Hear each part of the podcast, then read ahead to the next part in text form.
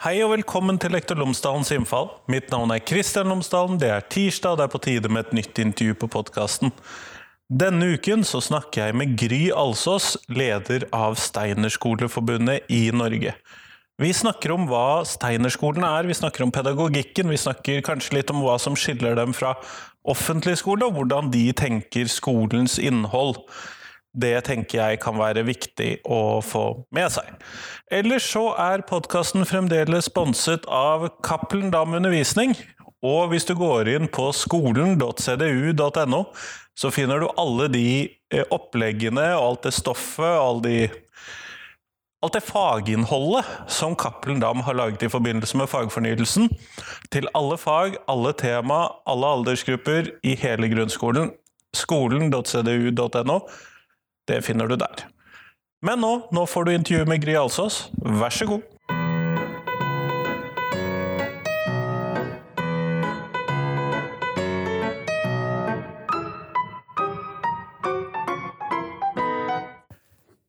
Gry Alsås, tusen takk for at du tok deg tid til meg i dag.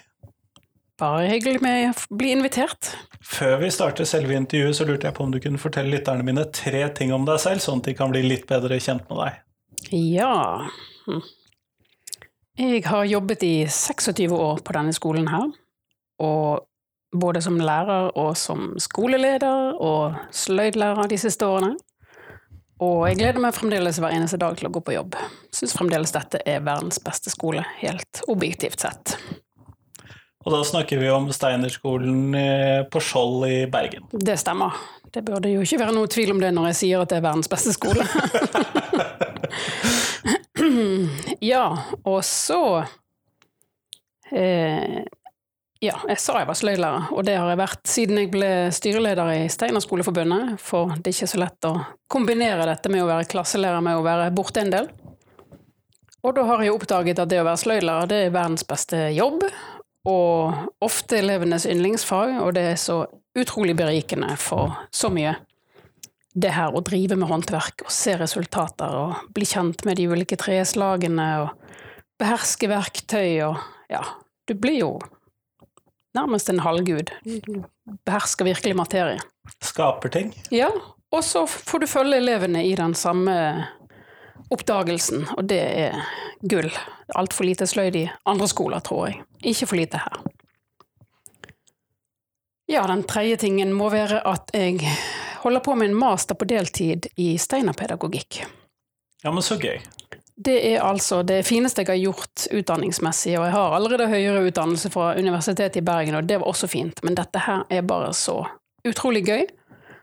Og veldig eh, fint å oppdage at man kan på en måte finne et språk for å formidle steinerpedagogikk og forske på den på en måte som taler til akademia og helt normale mennesker. Du må liksom ikke være eh, helt innforstått med dette her stammespråket som vi av og til kan bruke i Steinerskolen.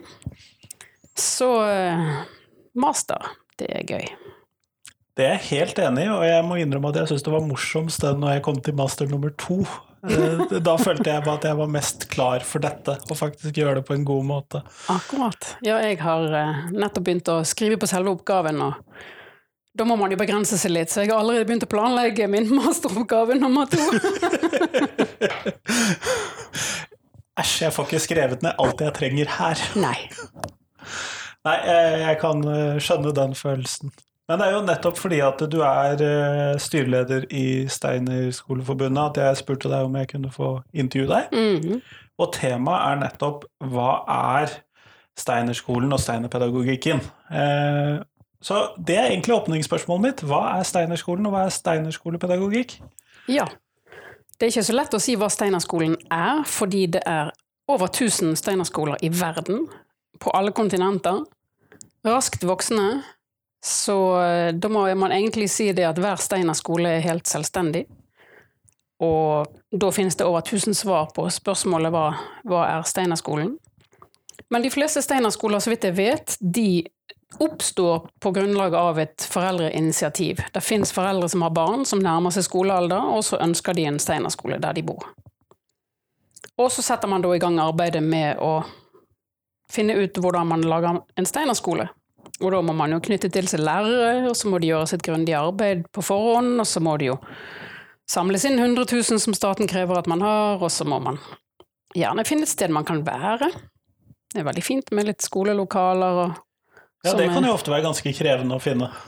Ja, for noen skoler eh, er det det. Vi har vel i alle fall én skole i Norge som fremdeles ikke har de lokalene de skal ha i fremtiden.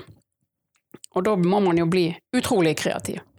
Det er en veldig morsom fase. Anstrengende, men morsom. Vi var jo, Steinerskolen på Skjold var jo tidligere Steinerskolen på Nesttun. Vi lå den store villaen eh, nede på Nesttun, og plutselig skulle de lage motorvei i skolehagen. Så da ble vi ekspropriert, som det heter på fint, hvilket betyr du får veldig lite penger og må flytte veldig snart. Men da fant vi disse lokalene her, og har virkelig skapt et, eh, et skolemiljø og et sted som vi setter utrolig pris på. Utsikt til sjøen og kan når som helst gå og padle eller ja. De fleste lærerne på skolen har livredning, eh, livredningskurs, så det sier Ja, det er jo ikke så lang vei ned til vannet her, nei. Nei. Nei, og Steinerskolene eh, også, så vidt jeg vet. Sant? I Norge har vi denne organiseringen som en stiftelse eller et aksjeselskap, hvilket vil si at lærerne og foreldrene eier skolen sammen. De fleste er organisert som ideelle stiftelser, sånn at hvis man skulle legge ned en vakker dag, gud forby, så går den midlene til en tilsvarende drift et annet sted. Eh, Så det her at vi på en måte får dette eierskapet, at skolen består bare i den grad vi alle tar ansvar, det er både oppdragende og veldig eh, stimulerende og ja. Det gir en egen glede ved å ta del i det. Det finnes ingen som på en måte forteller deg hva som skal skje og hvordan det skal skje. Du er med å skape det hele veien. Men det gjør det jo veldig vanskelig å svare på spørsmålet hva er Steinerskolen? Ja, altså det blir jo tydeligere når vi kommer til pedagogikken, men altså i Norge er jo da Steinerskolen vil si at du driver etter eh, Rudolf Steiners pedagogiske prinsipper, og de har vi nedfelt i en læreplan som er offentlig godkjent.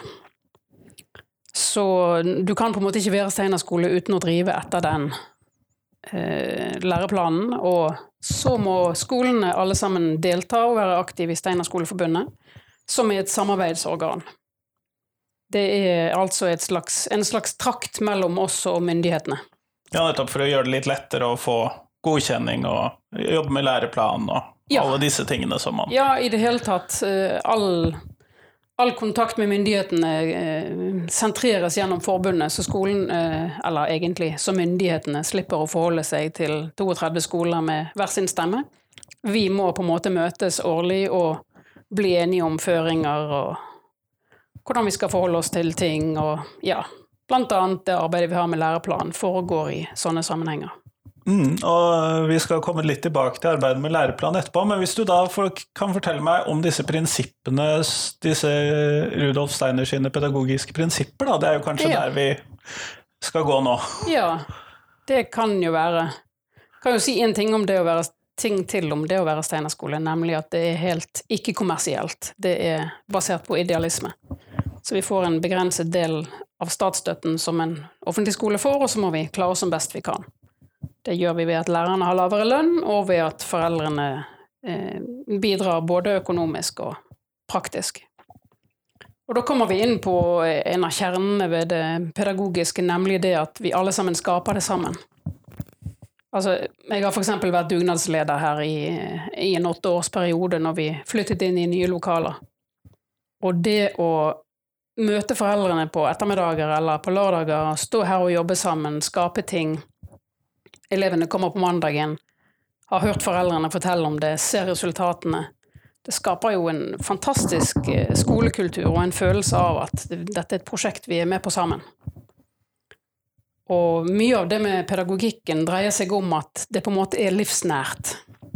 Det er ikke noe abstrakt som foregår eh, i en bok. Det er, skal mest mulig være knyttet til det praktiske liv og det som på en måte angår oss. Jeg vet Steinar sier et sted i Jeg mener det er den boken som heter 'Kunsten å undervise', så snakker han om dette, at man skal gjøre eh, undervisningen så, så nær barnets hverdag som mulig. Men hvis du da skal undervise om en ku, så betyr ikke det at du skal ta med en ku inn i klasserommet. Da må elevene få møte kuen i sitt naturlige eh, terreng. Og det er vel kanskje best også med tanke på at det er en ku. Ja, også av hensyn til kuen, kanskje.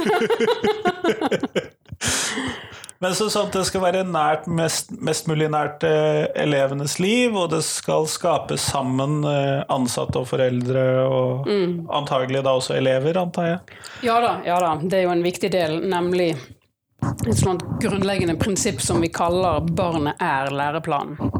Det vil si at du som lærer kan jo ha en masse ideer, og du kan ha en læreplan å forholde deg til, men til syvende og sist, det du kan lære barnet, og den utviklingen du kan støtte barnet i, må jo ta utgangspunkt i hvor barnet er.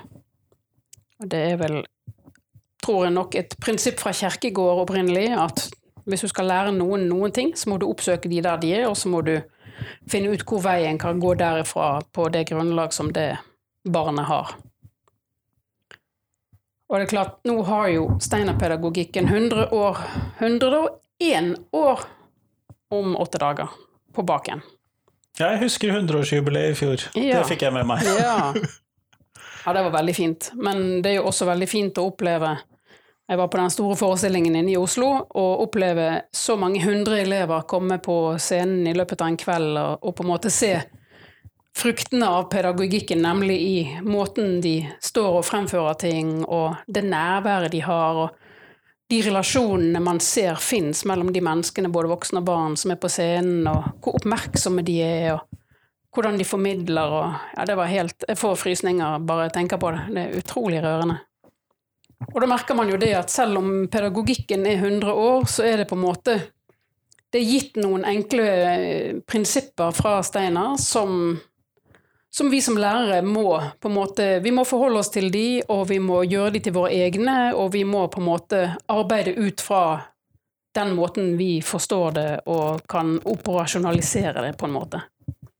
Så det gjør jo det at pedagogikken oppstår på ny hver dag, og oppstår på nytt mellom den enkelte lærer og den enkelte elev, og i forhold til ulike klasser, så det er på en måte ikke en pedagogikk der læreren snur bunken og gjør tingene om igjen det samme som han gjorde i fjor.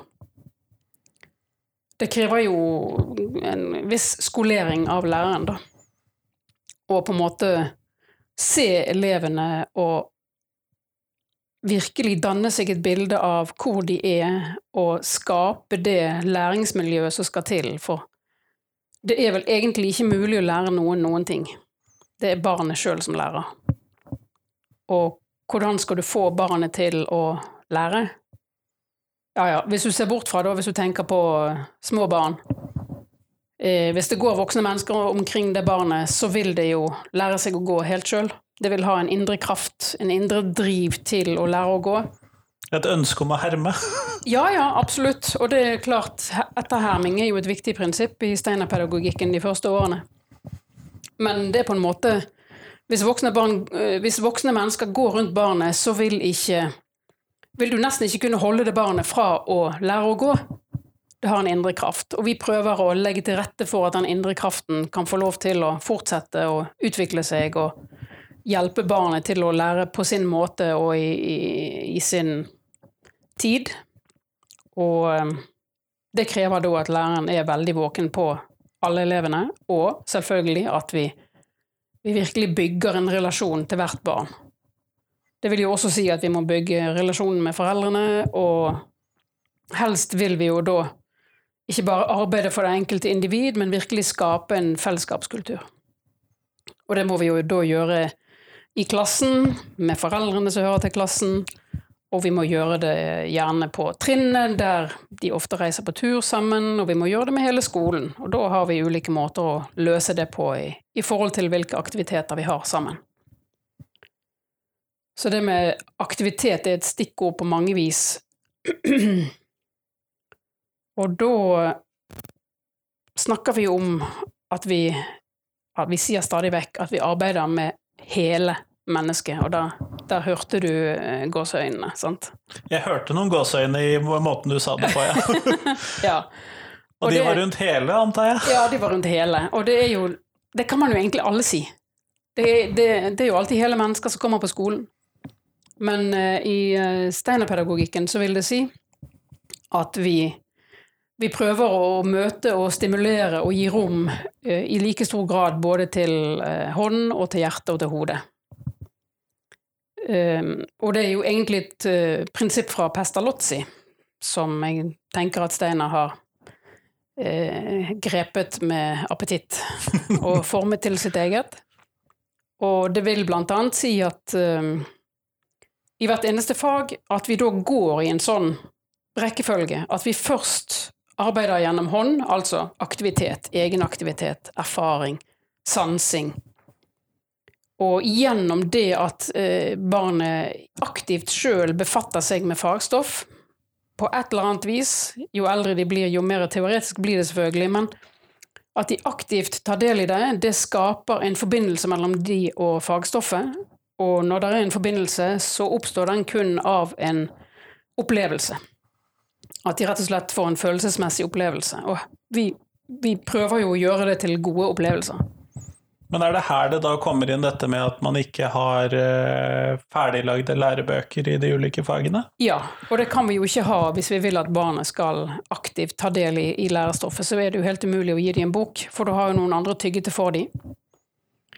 Ehm, så tanken er da at de aktivt tar del i stoffet, skaper en forbindelse, en følelsesmessig relasjon, og at vi så på det grunnlaget eh, gjennomfører en refleksjonsprosess som ender opp med kunnskap eller begreper eller forståelser av en eller annen sort. Så du hører det går fra hånd via hjertet til hodet. Og det det baserer seg da på at læreren må på en måte tenke denne klassen her, hvordan kan jeg best få de til å ville lære noe om dette? Så skaper man en, en eh, ramme eh, og gir aktiviteter og muligheter for å befatte seg med det, og da må jo selvfølgelig læreren for det første overskue hele fagfeltet. Ha en plan med hvor begynner vi og hvor skal vi hen. Være åpen for hvor alle elevene er til enhver tid legge frem dette fagstoffet enten gjennom aktiviteter eller fortelling, eller på et eller annet vis presentere og formidle dette fagstoffet. La ungene bearbeide det både praktisk og kunstnerisk og teoretisk.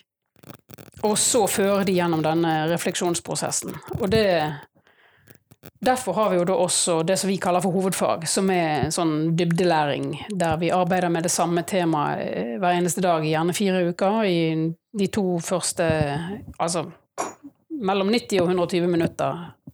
Sånn starter hver eneste morgen. Der vi bearbeider det samme emnet både med bevegelse og med aktivitet og med fordypning og samtale og ender opp da etter en måned med at de har et slags helhetsbilde av det faget. Men en intensiv opplæring i, i det faget eller det temaet som da har hovedfagsperioden, den perioden, da? Ja, og det vil jo da si at uh, ja, for eksempel i, i fjerde klasse så har de noe vi kaller for uryrkene, som er på en måte de grunnleggende yrkene menneskene har hatt til enhver tid. Og da uh, kan vi gjerne ha en periode om bonden, og da er det ut og lage skolehage og uh, så ting og dyrke det frem. Og så tar, må de gjerne da på høsten høste det.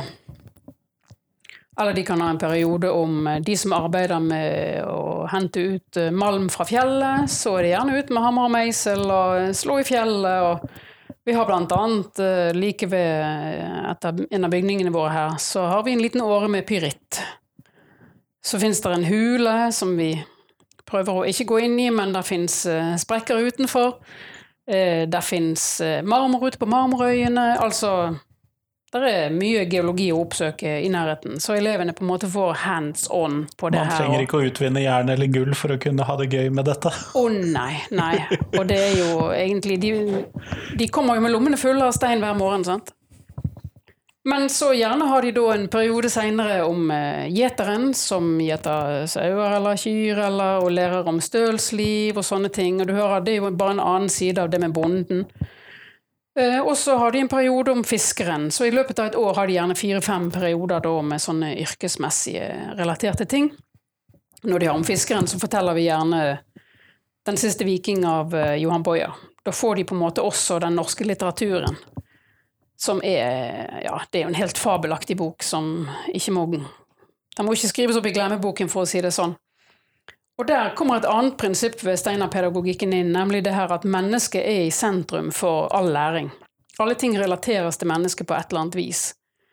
Og gjennom denne fortellingen så, så blir de kjent med Kristava, som har en fembøring, og som er ute på lofotfiske, og så får man også et blikk inn i hvordan er det for familien som sitter der hjemme og venter på han, og så skjer det jo utrolig dramatiske ting på denne turen, og ja, litt sånn spoiler alert, så eh, er jo ikke båten helt som han skal, og de er gjennom veldig mange farefulle ting, og helt til slutt så ender det med at han forstår at masten er litt feil plassert i båten.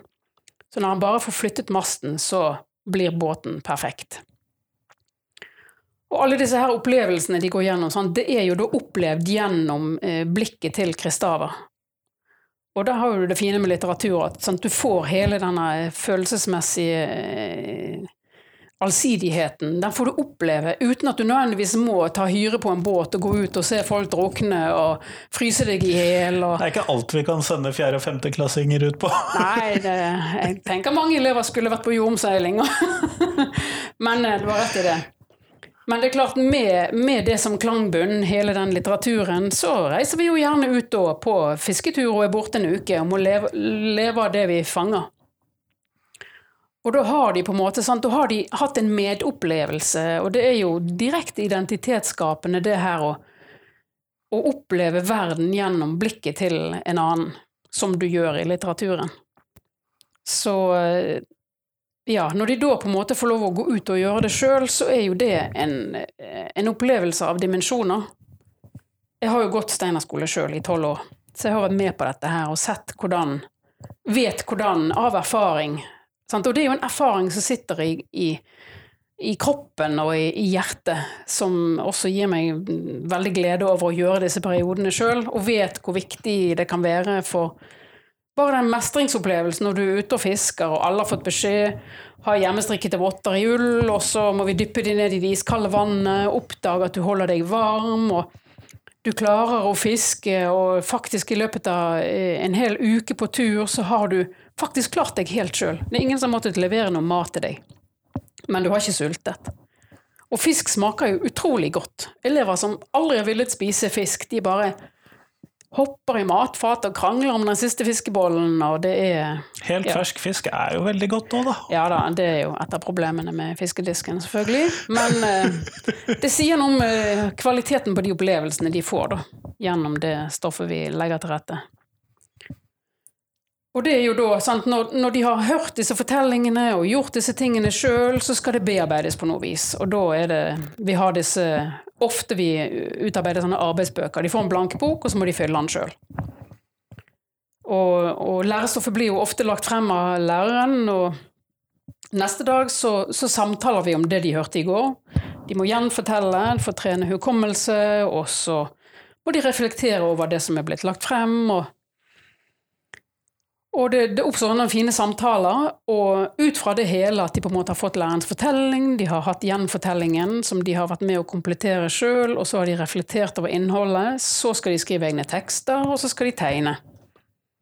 Og her kommer det jo på en måte noe som er Det kan virke veldig strømlinjeformet, men når du da som lærer ser disse bøkene, så skjønner du hvor tilpasset denne metoden er til hvert enkelt barn.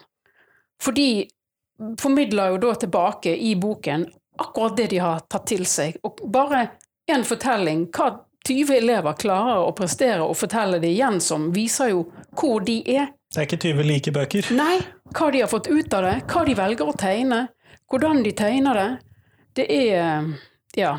Det er jo da en måte som Når læreren får se disse resultatene, sant får man en tilbakemelding, gjøre seg sine vurderinger, se hva man har nådd frem med av faginnhold, hva man må øh, arbeide med på nye måter, når man kan gå videre.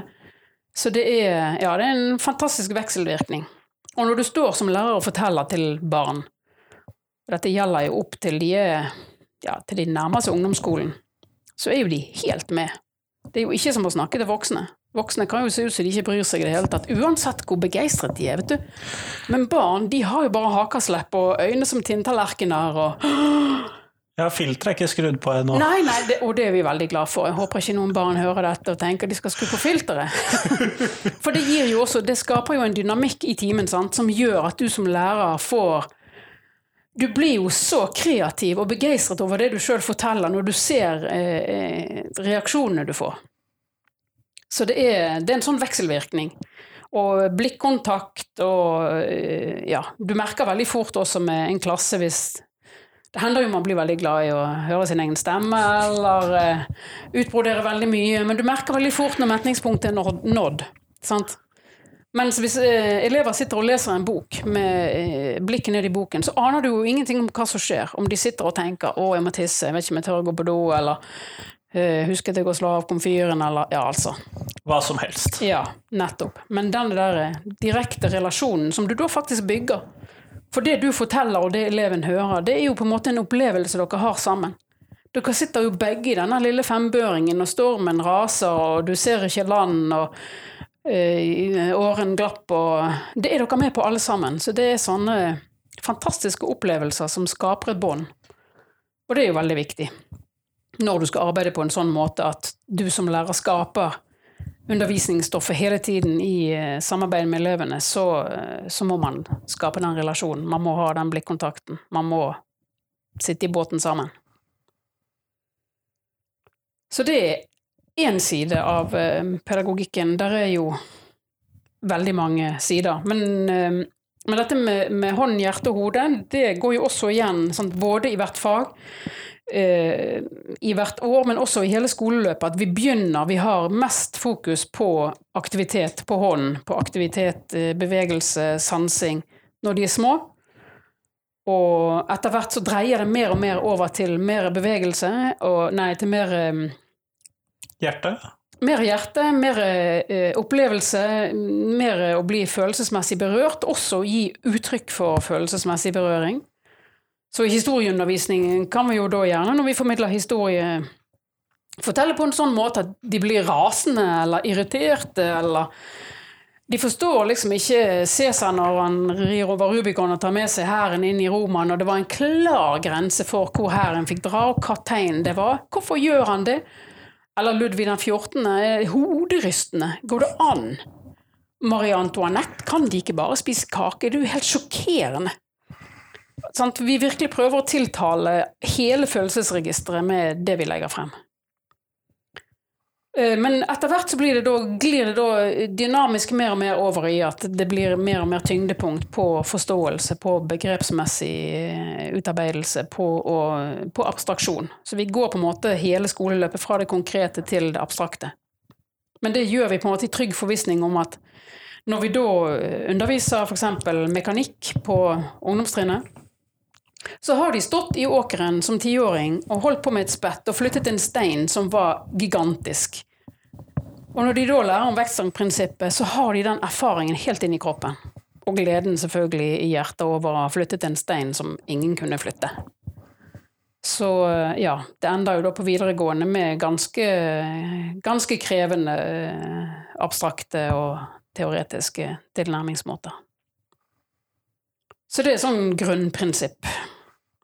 Men en av disse eh, store antakelsene antagelsene jeg har som eh, underviser i en mer en skole med en pedagogikk som ligner mer på det den offentlige skolen driver med, så er det jo det at det er veldig mange praktiske estetiske fag, eller timer dedikert til praktiske estetiske fag på Steinerskolen. Det er i hvert fall den inngangen jeg kommer med når jeg kommer hit og ser.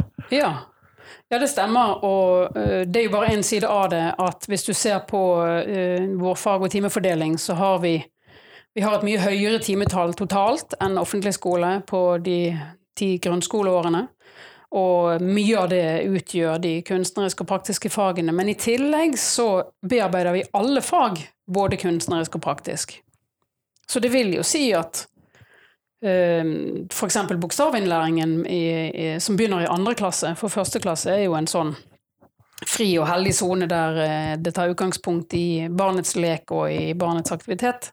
Men når de kommer i andre og skal lære bokstavene, så, så er det ut fra en fortelling om bokstavene, og ut fra et bilde. Så eh, mange bokstaver må da tegnes i veldig store formater. Gjerne som kongen, eksempel, som står med ene foten frem og hånden løftet med sverdet, som da blir en K. Og så kan vi da gå gjennom alfabetet på den måten, og det tar litt tid, men de får et forhold til de formene som gjør at det sitter godt. Men det er jo da rent kunstnerisk, sant, at de maler eller tegner eh, disse bokstavene. Og eh, i regningen, over gangetabeller Det er jo ikke en gangetabell til å begynne med. Da er det ut på gulvet, stå i sirkel, lære forskjellige rytmer med tramping og klapping og knipsing og sånne ting, som er én, to, tre, én, fire, fem, seks, syv, åtte, ni Der man betoner da og til slutt så kan man gjerne gjøre det stumt. Tre, seks uh, Sånn at gangetabellene på en måte sitter i hele kroppen. Så det er på en måte praktisk og kunstnerisk tilnærming i alle fag. Og vi, vi er jo, starta jo tidlig, sånn, vi har både engelsk og tysk i, fra andre klasse. Og de første årene er det jo ikke noe sånn gloselære. Det er leker og sanger og vers og rytmer og hopp og sprett og tjo og hei. Det er rett og slett eh, et slags organisert friminutt som er ja, der vi ikke nødvendigvis engang forteller de hva de faktisk eh, står og sier eller synger. De forstår det hovedbudskapet ut fra bevegelser de gjør til, eller eh, måten leken fungerer og sånn. Så med hele den skatten, da, når de skal i, eh, i engelsken begynne å skrive, så skriver de gjerne de, de første, det første året skriver de de første tekstene sine. Det er bare tekster de allerede kan muntlig. Sånn at det som er egentlig en enorm abstraksjon, å skrive noe ned, sant? med de der kråketærne som i vår tid bare er noen svarte eh, trykkbokstaver, det det, det, henger jo ikke sammen med noe. I urtiden var jo hver, hvert bokstavtegn det jo, hørte jo til en lyd som hørte til et levende vesen eller en ting som man kjente. Men nå er det en abstraksjon, og det prøver vi å overkomme ved å arbeide sakte og grundig. Og det er klart, selv om da elevene skriver ned tekster på engelsk som de allerede kan utenat, og har kunnet utenat lenge, så er det en stor terskel å få til. Det, for oss blir det veldig tydelig hvor stor abstraksjon det er når vi vet at de kan det, men det likevel er en sånn bøyg å få det til. Ja ja, spesielt engelsk, da, som er så utrolig kontete i måten det er skrevet på. ja, det er ikke alt som er like logisk der, nei. Eh, nei, det er nesten sånn at man lurer på om noen har sittet og gjort det med vilje. Men uh, og jeg hører jo en del ting her, og særlig knyttet opp til dette hovedfagstanken. Mm. Uh, som jeg opplever som relativt tverrfaglig, i hvert fall metoden. Og jeg mm. opplever uh, det som relativt Og du trakk inn dybdelæring i stad. Mm. Så høres det ut som at det ligger en del prinsipper i Steinerskolen som dere allerede har drevet med, som Eh, kommer inn i den offentlige skolen som en del av Ludvigsen-utvalget og dybdelæring og fagfornyelsen og alt det der, da. Men som dere har drevet med en stund? Ja, man kan jo man kan jo si det sånn at vi har vel opplevd lenge at det som skjer i offentlig læreplan, ser ut som om de blir inspirert av oss. Det kan jo være litt uh, kjepphøyt å si det. Eh, men altså på samme måte som Steinar tar Pestalozzi sin eh, hånd, hjerte, hode og bruker det på sin måte, det er Det er hva Steinar sier, at i åndslivet er det lov å stjele. Fysiske gjenstander fy-fy, men i åndslivet du, altså, Det heter jo ikke da tyveri, det heter inspirasjon. Så i den grad eh, disse tingene i offentlig skole skjer ut fra en indre nødvendighet fra den praksis de har som skal forbedres, eller om det er inspirasjon for oss, det spiller jo sånn sett ingen rolle for oss. Vi skal verken ha royalties eller ære. Vi eh, hilser velkommen alt som gjør skole bedre, overalt. Men da, i denne prosessen så har det jo vært sånn at dere har måttet lage en ny eh, læreplan, dere også, antar jeg? Ja, og der sier du 'har måttet', og det er jo interessant, for vi, eh, vi laget jo en Gjorde en ganske stor eh, Et stort arbeid med læreplanen eh, på begynnelsen av 2000-tallet. Og så leverte vi det inn, og så sa myndighetene ah, vent litt, vi holder på med en ny læreplan. vent til vi er ferdig.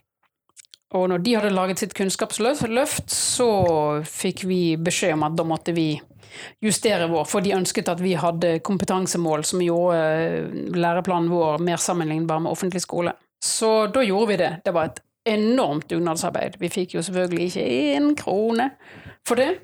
Det er nå greit. Vi hadde det veldig gøy. Vi laget en læreplan, og så hadde vi tre år der vi eh, evaluerte planen. I skolene, i samarbeid, alle lærerne. Vi hadde store seminarer og Ja, det var skikkelig fint. Og så har vi nå levd med denne en stund, så da sa vi i 2017 nå vil vi revidere på nytt. Så vi meldte fra til eh, departementet og satte i gang, og så har vi hatt en prosess som har gått over eh, vel to år, og så blir vi bedt om å se på vår nye læreplan i forhold til den fagfornyelsen som har vært gjort. Så der har vi hatt nok et veldig stort eh, arbeid, og det har også vært veldig spennende. Og vi ble f.eks. veldig inspirert av den tanken om kjerneelementer. Uh, men så syns ikke vi at kjerneelementene til offentlig skole passet til oss, så vi ville lage våre egne, men det var ikke interessant. De hadde liksom hva kan man kalle registrerte varemerker på det med kjerneelementer. Så det, det, ordet kan vi ikke bruke hvis ikke vi vil bruke deres kjerneelementer. Men det gjør ingenting for oss. Vi er ikke pålagt å ha deres kjerneelementer. Men, eh, så vi har rett og slett på en måte ikke blitt måttet forholde oss til fagfornyelsen, eh, men vi har uh, gjort det likevel, og har sett det at vi hadde noen utfordringer i forhold til den voldsomme begeistringen vi hadde når vi laget læreplanen i 2007. Eh, eh, at vi ikke hadde helt gode strukturer, og visse ting vi ville spisse og gjøre tydelige. Og vi ville ta ut litt eh, Det var litt for mye innholds- og metodestyren i selve kompetansemålene, så det hadde vi lyst til å luke ut. For vi har jo tross alt i Steinerskolen en lærerprofesjon som, der det gis et visst frihetsrom. Så derfor valgte vi å ta ut innhold og metode fra kompetansemålene og legge inn egne kapitler med sentralt innhold og med sentrale arbeidsmåter i Steinerskolen, som som en hjelp til de som kommer inn i Steinerskolen i våre dager. Og så har vi nå fått godkjent det aller meste. Eh, det vi eh, fremdeles ikke har fått helt aksept for, det er det som heter fag- og timefordeling. Da har vi et stort ark som på en måte lister opp alle fag, og mm, barne-, mellom- og ungdomstrinn med, med timetall. Og det er helt umulig å telle i Steinerskolen. Hvordan teller du en eh, mattetime der du synger og spretter og hopper og altså, teller Er det matematikk, eller er det gym, eller er det musikk, eller er det Ja. Du, du, tok poenget. Og vi, vi, har jo faktisk en veldig tverrfaglig måte å angripe fagene på. En av grunnene til at uh, vi på en måte har et sånt grunnleggende slagord for Steinerskolen som er kunnskap i sammenheng. Alle ting skal egentlig henge sammen. Vi arbeider ut fra en helhet. Alle deler uh, responderer mot helheten, står i forhold til hverandre står i forhold til mennesket. Vi kan ikke telle. Og det er vi villige til å gå langt for å kjempe for den retten da, til å ikke telle, for vi har et veldig høyt timetall i forhold til offentlig skole. I læreplanen så fremgår det tydelig at vi er på en måte godkjent på, eh, på sluttproduktet. Det er etter endt tiende klasse at vi skal vurderes som jevngod. Ikke minst fordi at vi har en ulik progresjon eh, fra offentlig skole de første årene, og vi har en annen fordeling av når fagene ligger, og vi arbeider mer fordypning. Vi har ikke, vi ikke spredd fysikken eh, i en time i uken i årevis, men vi har eh, perioder som, som kommer gjerne én gang. Så der, der står vi i dag, at det på en måte det henger på dette her. Da kan Vi kan ikke mm, søke om godkjenning på så mange engelsktimer, så mange sløydtimer, så mange gymtimer. Helt umulig. Vi, eh, vi arbeider for tverrfaglig til at vi kan telle det enkelte. Det er sluttproduktet vi skal måles mot, mener vi. Men dette burde jo, sånn som, det, sånn som, du fremlegger det med tanke på dette med tverrfaglighet og dybde, så burde jo dette være i tråd med fagfornyelsens prinsipper, i hvert fall. Eller i hvert fall de prinsippene som de startet uh, den uh, fagfornyelsen med. Ja, det er fint at du sier dette, og jeg håper de oppdager det.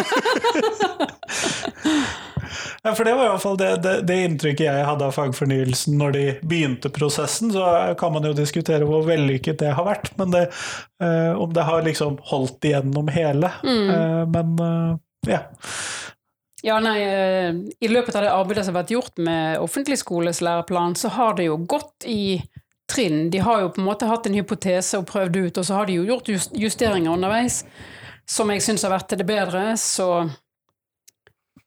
eh, summa summarum så må vi vel tenke at eh, hvis vi skal beholde vår egenart, så kan man ikke kreve at vi skal telle den enkelte time.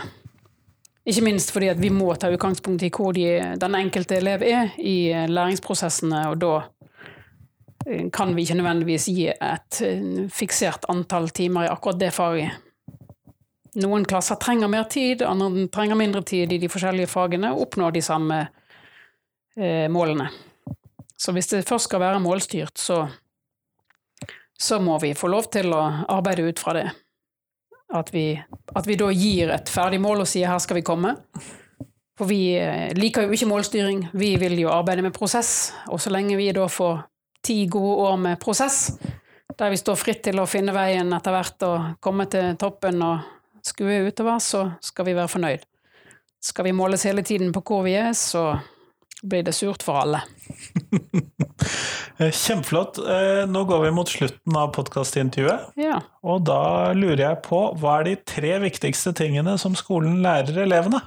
Ja, det har jeg tenkt litt på, men jeg tror det er veldig enkelt. For for meg, må jeg si, jeg kan jo ikke si dette på vegne av alle, men for meg er på en måte fagene til stede der for at vi skal kunne bygge noe sosialt, og for at vi skal kunne utvikle oss, alle sammen, barn og voksne. Og i den prosessen så er vi helt avhengig av fagene. Og gjennom det vi gjør faglig på skolen, så tenker jeg at målsetningen er at når du er ferdig på skolen, så skal du ha tro på deg sjøl. På dine egne evner, på at du behersker ting kroppslig, på at du har en slags resiliens eh, følelsesmessig, at du kan håndtere relasjoner til andre. At du kan forstå ting og beherske på en måte din egen økonomi eller din egen eh, livssituasjon, uansett hva som kommer av kriser i livet, som jo kommer til alle, så kan du beherske det. Så den troen er utrolig viktig. Kanskje ikke bare på deg sjøl, men også på eh, andre mennesker. Og det andre, det må være et sånn grunnleggende prinsipp, tenker jeg, i Steinerskolen, at vi arbeider ut fra kjærlighet. Og at man kan oppleve kjærlighet og føle kjærlighet til andre, ikke bare til mennesker, men til dyr og planter og ja, verden som sådan. Andre kulturer. At du virkelig står opp for alle som trenger å beskyttes, og at du gjør noe for å bevare det som er bra. Og ja, du hører her både livsmestring og bærekraft. sant? Og det tredje, det må være Og det tror jeg på en måte grunnlegges på alt dette andre, nemlig at du har håp for fremtiden. Når du står der på egne bein og føler deg trygg på at du kan håndtere livet, så tror jeg håpet kommer. Og da kan du virkelig bli innovativ og virkelig nyskapende og problemløsende og gjøre verden til et bedre sted. Kjempeflott. Tusen takk for at du tok deg tid til meg i dag. Selv takk.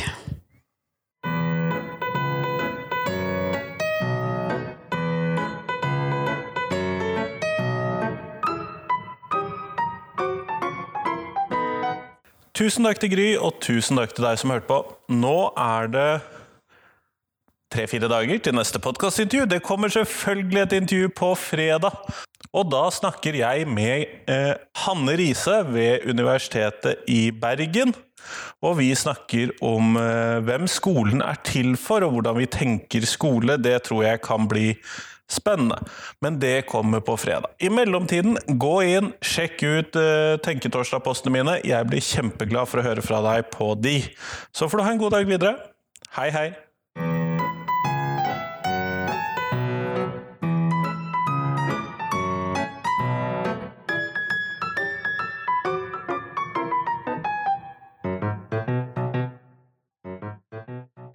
Husk at eh, jeg trenger tips om hvem som jeg kan ha med på podkasten. Det hjelper utrolig mye. Vi høres!